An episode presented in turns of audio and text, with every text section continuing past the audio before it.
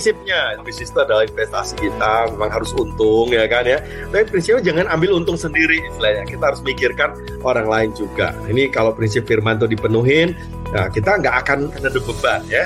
Jadi kalau kita pulang pun ya kita nggak bisa bawa semua kan ya. Toh harus diteruskan jadi kalau kita nggak bisa bawa pulang, berarti cuma ada satu, gimana kita bisa tinggalkan tuh yang kekal tuh nilai.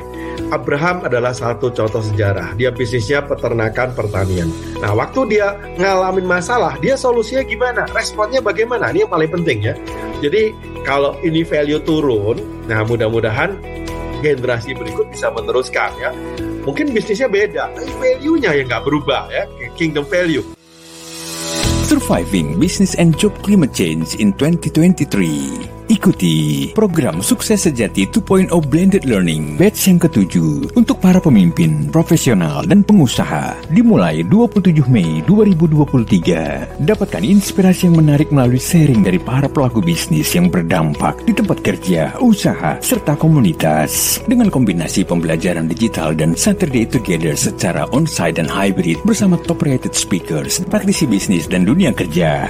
Menghadirkan Julian Fu, Paulus Bambang, Heru Kumar Siaga, Johono Esudirgo, Junaidili, Yakub Kusmanto, Yonatan Nugroho. Untuk informasi dan pendaftaran kunjungi www.kbc.or.id slash ssbl7 atau hubungi 0813 2678 3343 dipersembahkan oleh Kingdom Business Community, a God Center Marketplace Community.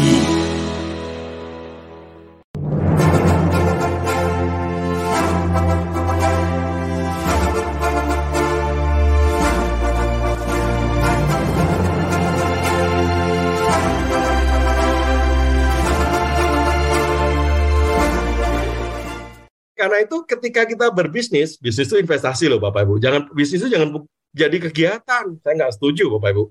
Jadi akhirnya kalau kita bicara bisnis itu investasi, seperti investasi saham, investasi bedanya saham itu kalau kita beli saham BCA misalnya, kita beli bisnisnya BCA, tapi saya nggak perlu ngatur karena saham saya kecil kan. Kalau saya punya saham besar kayak Jarum, ya saya harus ngatur karena saya majority kan. Tapi kalau saya minority udah nanti untung ya saya dibagi untungnya. Ya, saya shareholder juga kan walaupun cuma satu lot. Ya itu pemilik bisnis ya. Tapi kalau bisnis yang kita kelola sendiri karena kita manajernya kita yang diberi tanggung jawab ya harus tanggung jawabnya untuk keluarga, untuk sosial, dan terakhir untuk kebutuhan pelayanan Tuhan. Maka bisnis itu persis dengan investasi emas, properti, investasi ada limit ya. Jangan dipikir bisnis itu kehidupan. Banyak salahnya begitu, makanya diambil semua ya bisnis itu investasi. Bisa gagal? Bisa. Ya bisa.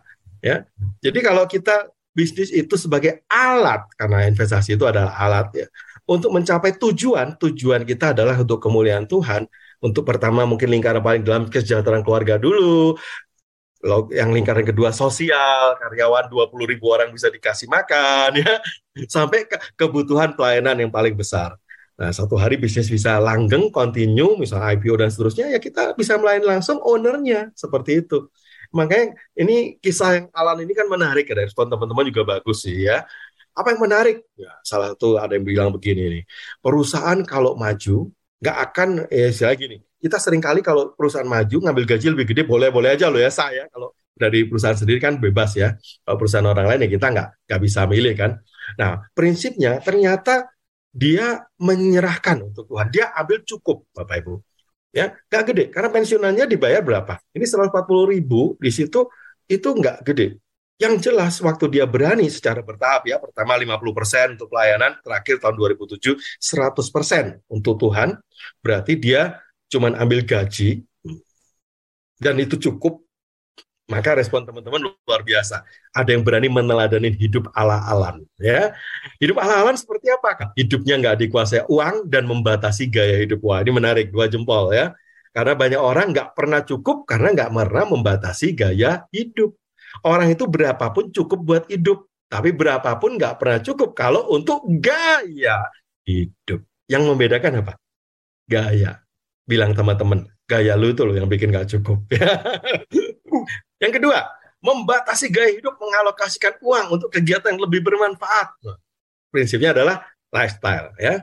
Kesadaran bahwa dosa terhadap pengelolaan uang sering kali menjadi dosa yang tersembunyi. Kadang-kadang kita merasa nggak mau ditegur. Ini duit gua terserah gua dong ya.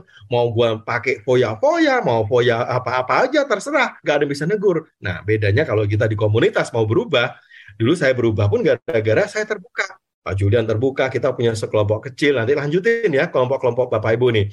Tolong ya, saya ini paling susah loh kalau lihat ada iPhone terbaru, Samsung terbaru, selalu pengen ganti. Jadi lain kali kalau HP saya ganti, tolong ditanya yang lama hilang, rusak, apa udah dikasih orang loh. Iya dong, kalau ganti harus jelas yang lama ke mana. Jadi karena kita terbuka sama komunitas, kita berani ditegur oleh kok komunitas itu yang merubah gaya hidup saya. Pak Ibu, kalau nggak salah, gaya hidup saya juga salah ya. Jadi kita banyak yang salah karena tidak punya keterbukaan dengan keluarga, terus kemudian dengan komunitas. Punya relasi kuat satu visi dengan istrinya, Alan Bernard ya. Perlu kompak sama keluarga, sama shareholder lain. Mungkin ada pertanyaan, kalau shareholder saya nggak se apa ya terlanjur nih join, ternyata nggak partnershipnya nggak nggak seimbang. Nanti saya bahas di belakang juga sih. Gimana? Paling gampang undang, ajak ikut camp sukses sejati berikutnya. Gampang. Jadi supaya bisa seimbang begitu ya sama pasangan aja ya. Ini prinsip-prinsip hidup ala Alan Bernard. Nah kalau kita bisa lakukan, kita nggak takut sama situasi yang berubah. Persaingan bahkan kadang kita ketemu sesama alumni di tender. Ingat loh, kolaborasi hari ini tuh penting Bapak Ibu ya. Saya coba mengawinkan beberapa perusahaan untuk menjadi lebih besar, IPO bareng seperti itu. Bulan Juli kemarin puji Tuhan ada dua sudah IPO. Jadi kalau kita berkompetisi gak sehat, kadang-kadang kita hari, hari ini ada yang terpuruk juga. Waktu itu visinya gede. Pokoknya saya harus menguasai hulu ke hilir. Pakainya duit bank. Wah, saya bilang bank itu utang loh. Nggak apa-apa kan kita nggak ngemplang. Kita tuh namanya dipercaya sama bank ditambahin utangnya. Kok seneng loh saya itu banker loh. Jadi waktu kita istilahnya berpikir menguasai hulu hilir terus apalagi pakai uang bank ya sifatnya cuma ingin mengambil pasar keseluruhan. Hari ini udah nggak udah nggak zamannya. Hari ini kolaborasi adalah kunci. Berkompetisi berarti secara kerjasama kooperatif tapi punya kompetisi yang sehat. Nah, prinsip ini membuat kita berani ambil putusan menyerahkan hak, takut diambil, digeser ya. Seorang hamba, kata kuncinya menyerahkan hak. Kalau sejarah dipenuhi dengan orang-orang seperti ini, Bapak Ibu ya, partnership bisnisnya sehat, Paulus pernah partnership sama Priscilla Aquila karena visinya sama, mereka bikin kerja yang sama, ini bisa mensupport pelayanan Paulus loh. Ya, jadi kalau kita lihat hari ini partnership juga dibuka modal dari IPO, ada yang franchise. Coba dicari, digali ya peluang-peluang ini. Ada yang pakai cara startup barangkali ya. Yang jelas memulai harus dari dana sendiri. Tadi dari dana keluarga pribadi, tabungan boleh, investasi yang ada, cairin reksadana, masukin bikin PT bisnis, 20% aja jangan semua. Setelah itu ambil gaji ya. Kalau kurang boleh pinjem bank, saya juga banker dulu ngasih pinjaman, tapi jangan banyak-banyak, dernya cukup dua kali, der itu adalah utang dibanding modal. Jadi kalau modalnya 100, boleh utang 200 doang, jangan gede-gede. Atau partnership tadi ya, atau jadi pemilik brand Nah, artinya kalau ada buka cabang baru, wah seneng dong kita ya, brand kita tambah besar, atau IPO. Jadi peluangnya banyak. Sekarang UKM banyak yang IPO. Jadi Bapak Ibu kalau kita bisa memulai dengan dana orang lain pun banyak startup berpikirnya salah, pinginnya cepat kaya. Ini salah salah fokus, gagal fokus. Kenapa hari ini PHK startup banyak terjadi? Karena mereka bersaing dengan cara yang salah. Sikat market, sikut kanan kiri, burn money seperti itu ya. Jadi kalau step-stepnya dipenuhi ide, mulai dari dana sendiri dulu, family and friend dulu, ya. Baru angel seed ini yang nggak cari untung tapi mungkin punya visi yang sama. Baru masuk ke langkah keempat venture capital. Tapi sebenarnya yang dicari sama investor apa sih ya? Venture capital atau investor itu lihat satu. Pertama, marketnya cukup besar nggak? Ini bagi yang pengen pengen startup ya. Kedua, anda memberi solusi nggak? Dan hari ini by data, nggak bisa pakai ide aja, terus kemudian semua harus by data. Terus ada customer validation, terbukti, pain and gain-nya jelas. Nah, yang terakhir adalah memberikan ROI. Jadi nggak mau investor rugi terus, ya pasti nanti dipangkas, ya. Dan yang bagian kita pelaksananya fokus ke tim, gimana punya tim yang kuat. Jadi kalau kita hari ini punya proposal dana, hanya ide, seribu proposal, itu mungkin dari seribu ada yang taruh di meja, ya, yang ditemuin cuma 150, sebagian besar dibuang. 25 yang di due diligence, yang goal cuma 5 loh. Kecil banget. Jangan pernah bermimpi besar dengan fokus cepat kaya kalau pingin istilahnya pakai jalur startup. Startup lakukan bagian kita tetap sama, yaitu bagaimana kita berdampak, baru nanti bicara yang hijau income. Nah, tugas kita yang di tengah, gimana kita create sistemnya, ada drive, ada tim yang kuat. Nah, bagian investor ujungnya ke kanan. Seperti itu. Tapi ide pertama, bagaimana saya memberi solusi, memberi dampak terhadap bisnis yang ada. Nah, ini kalau benar, ya boleh-boleh aja ya pakai dana startup. Ya, kemarin shifting up juga ada. Intinya ya, memang partnership adalah salah satu jalan keluar untuk menjadi besar, jangan cuma utang ya, tapi pilih ya visi yang sama, bikin perjanjiannya juga jelas, jangan cincai di depan, di berantem di belakang ya. Dan kalau terjadi perselisihan, jalan keluarnya Lukas berkata berdamai ya. Ingat, hamba menyerahkan hak, pemilik mempertahankan hak. Teman-teman udah dengar kisahnya Pak Jeffrey luar biasa. Wah, dia melahirkan bisnis jadi besar, dan rela diserahkan kembali. Dia berani U-turn, berani cut loss ya, karena dia tahu warisan yang berharga bukan harta tapi harga atau value, kingdom value yang akhirnya diterusin oleh anak-anaknya, sesuatu yang dia mulai dari zero jadi besar. Nah, akhirnya dia berani menyerahkan kembali dan akhirnya dia menemukan ya istilahnya legacy is not a possession but a procession waktu anaknya mulai dari nol kembali ngangkat sendiri dan seterusnya hari ini dalam waktu lebih singkat daripada Pak Jafri, lebih cepat berkembangnya. Hari ini Pak Jafri bercerita proses tadi Pak ya, prosesnya dan akhirnya anak-anak bisa meneruskan. Jarang loh second generation mau berbisnis mengikuti orang tua, banyak yang memilih jalur startup tadi ya. ya. Bagaimana Pak bikin legacy ini? Ini menarik buat kita belajar bareng. Silakan Pak Jafri, waktu berikutnya adalah waktu Anda. Thank you Pak Johono. Jadi saya sendiri itu memulai bisnis itu karena penyerahan hak sebenarnya. Ini resiko ikut KBC, terutama di sesi penyerahan hak. Saya ikut KBC itu di 2007, ya.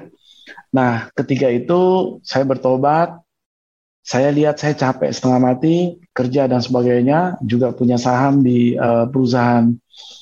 Nah, di 2007 itu Suatu ketika saya berpikir bahwa mimpi saya, doa saya terjawab. Jadi setelah saya mendapatkan bisnis yang begitu besar ya, dari, dari 2007 itu hasil penyerahan hak. Nah saya juga nggak tahu bagaimana masuk ke di 2019, ternyata saya mengalami masalah yang besar juga.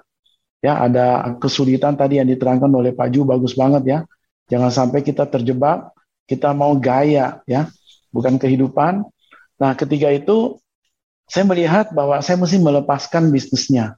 Bisnisnya jujur, Pak Juhono juga membantu waktu itu ya untuk melakukan akuisisi. Itu sangat besar.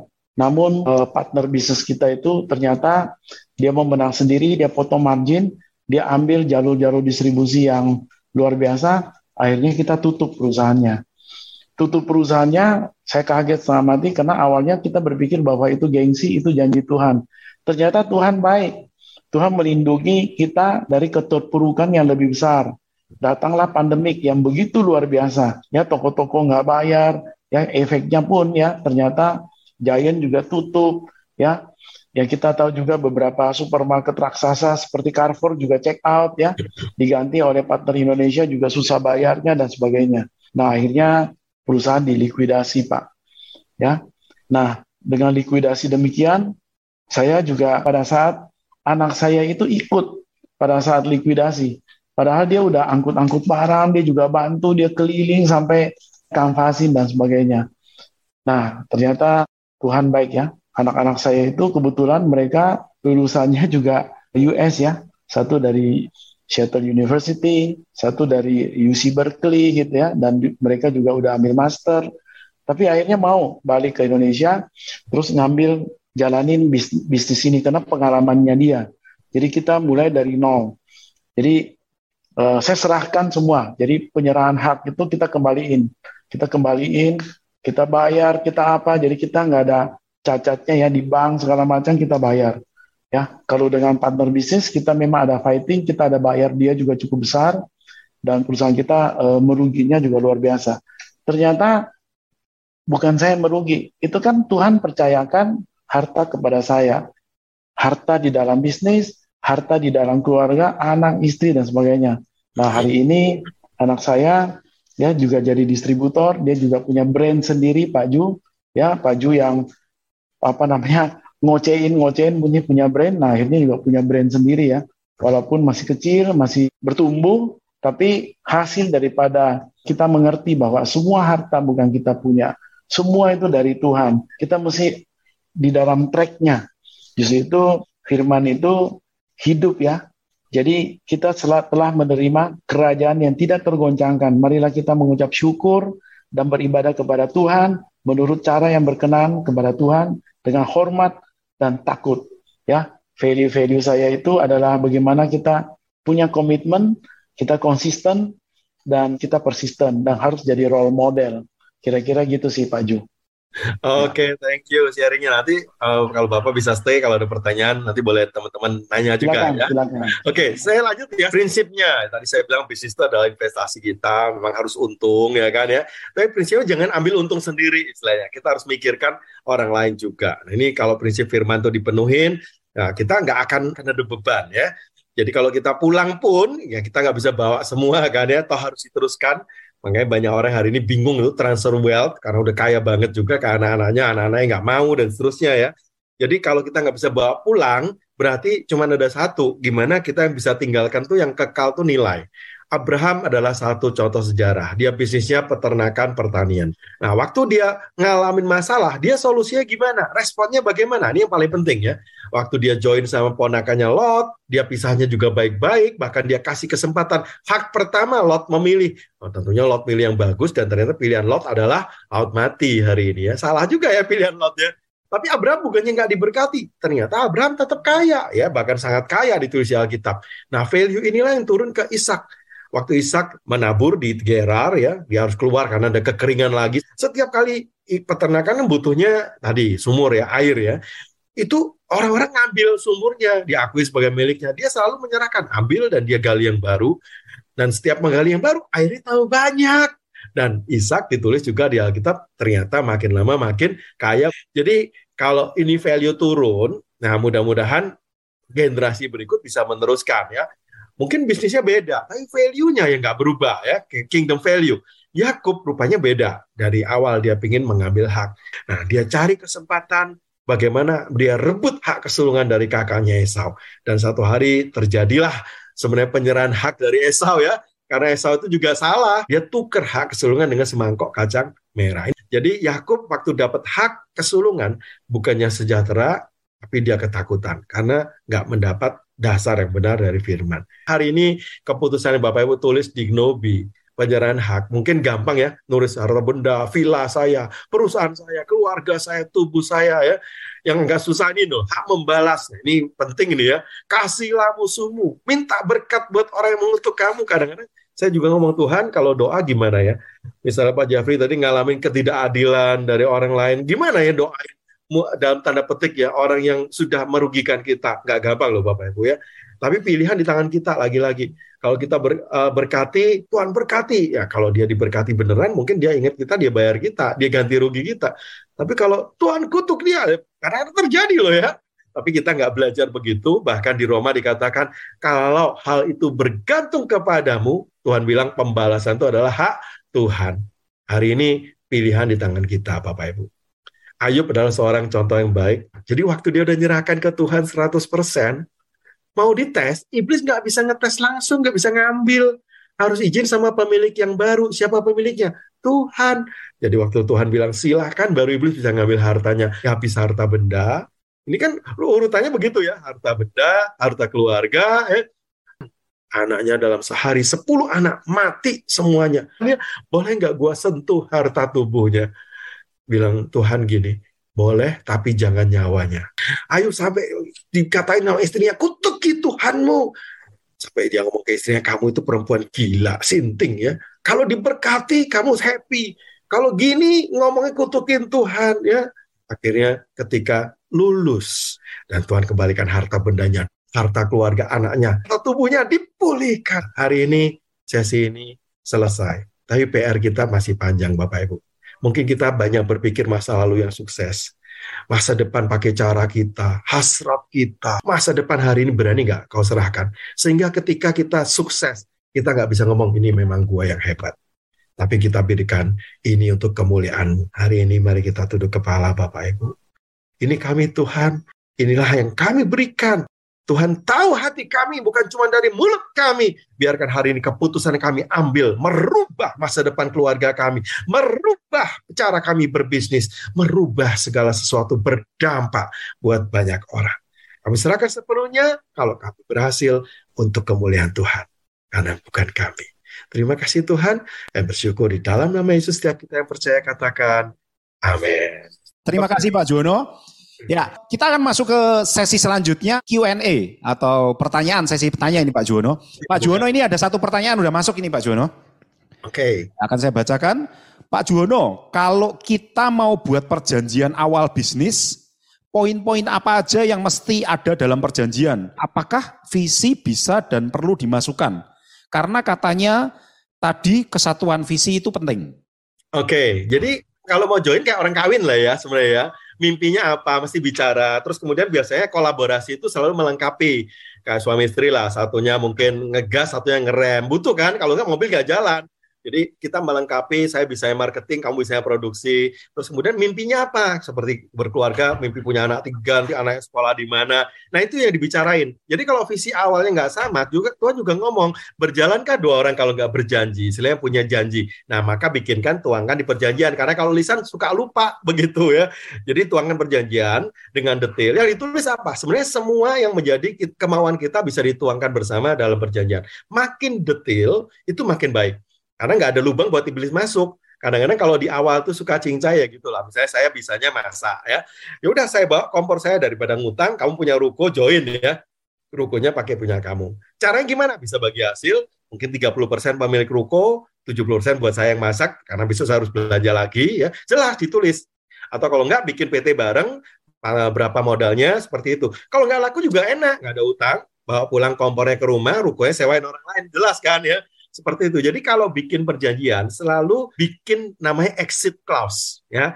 Orang nikah aja juga ada perjanjian ya. Saya menerima kamu sebagai istri saya satu-satunya ya. Dalam suka maupun duka ya. Kaya maupun makin kaya karena nggak mau miskin gitu ya.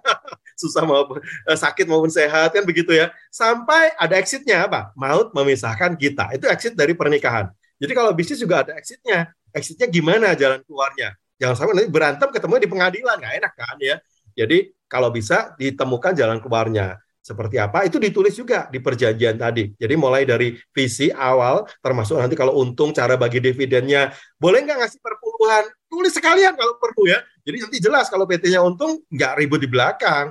Wow, satunya temannya mungkin beda kepercayaan, tapi dia ngasih uh, apa? Boleh kok kasih ke Tuhan, kasih pelayanan, silahkan. Atau mau dibagi yang sekian ke uh, ke masjid, satu ke ini karena partnership kita nggak bicara agamanya ya, tapi bicara visi itu yang penting, gitu ya. Ditulis dengan detail dan jelas. Mungkin Pak Jeffrey mau nambahin Pak, karena pengalaman nih yang pernah perceraian bisnis.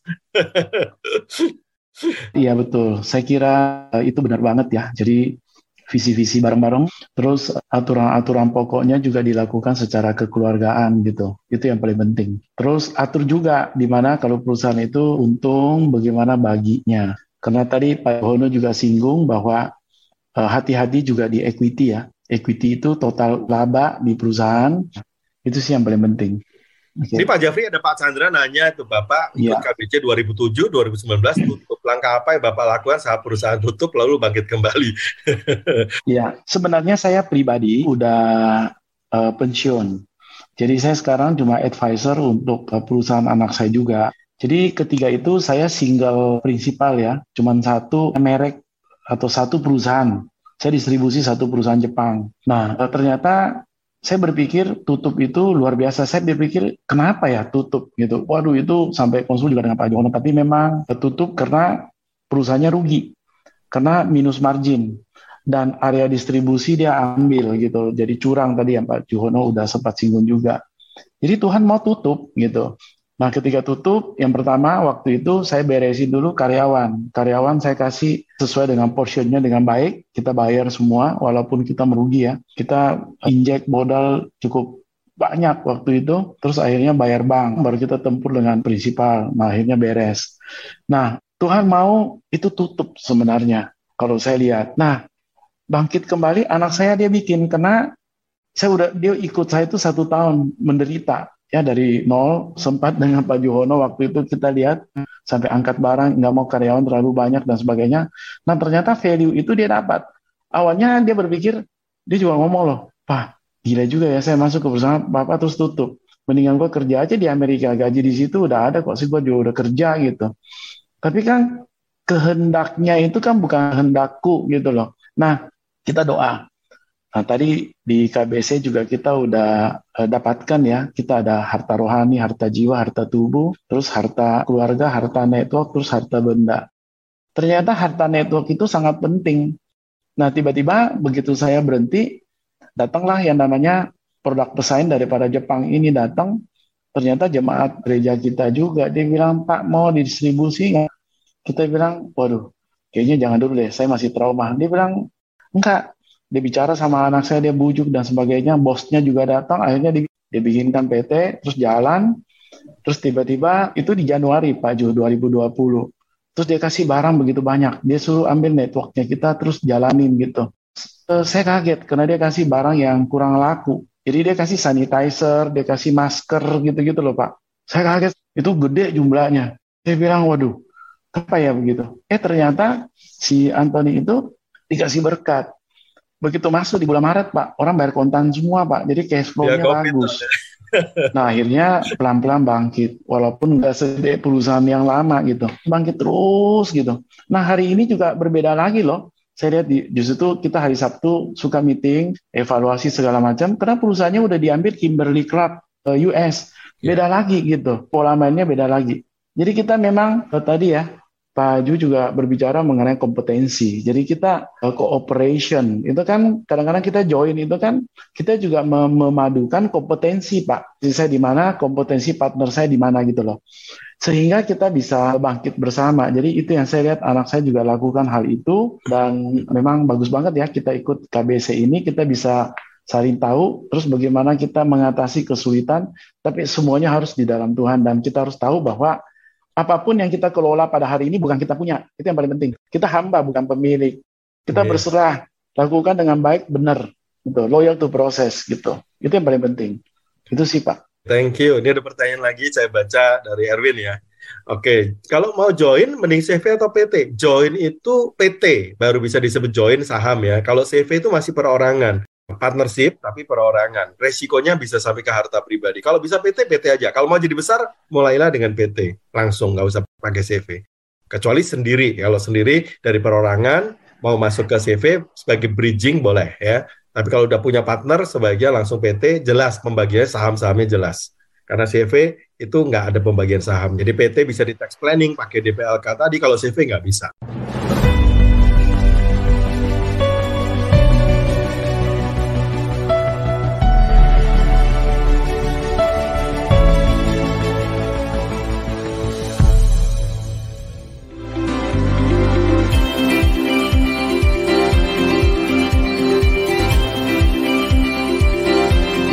Riser and Podcast listeners, terima kasih Anda telah menyimak Rise Podcast Special Edition yang dipersembahkan oleh Kingdom Business Community. Harapan kami setiap episode Rise Podcast dapat menginspirasi Anda untuk terus mengalami transformasi dalam melakukan bisnis dan profesi Anda untuk tujuan yang mulia, membangun bisnis melalui manusia dan membangun manusia melalui bisnis.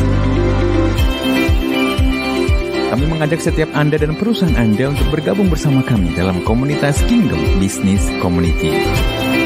Secara bersama, kita bisa bertumbuh, berkembang, dan sukses serta dapat berkolaborasi dalam gerakan kepedulian kepada sesama untuk Indonesia yang lebih baik. Untuk dapat bergabung, silahkan kunjungi website Kingdom Business Community di www.kbc.or.id atau hubungi Sekretariat Nasional KBC di 0817 131 257. Sekali lagi www.kbc.or.id.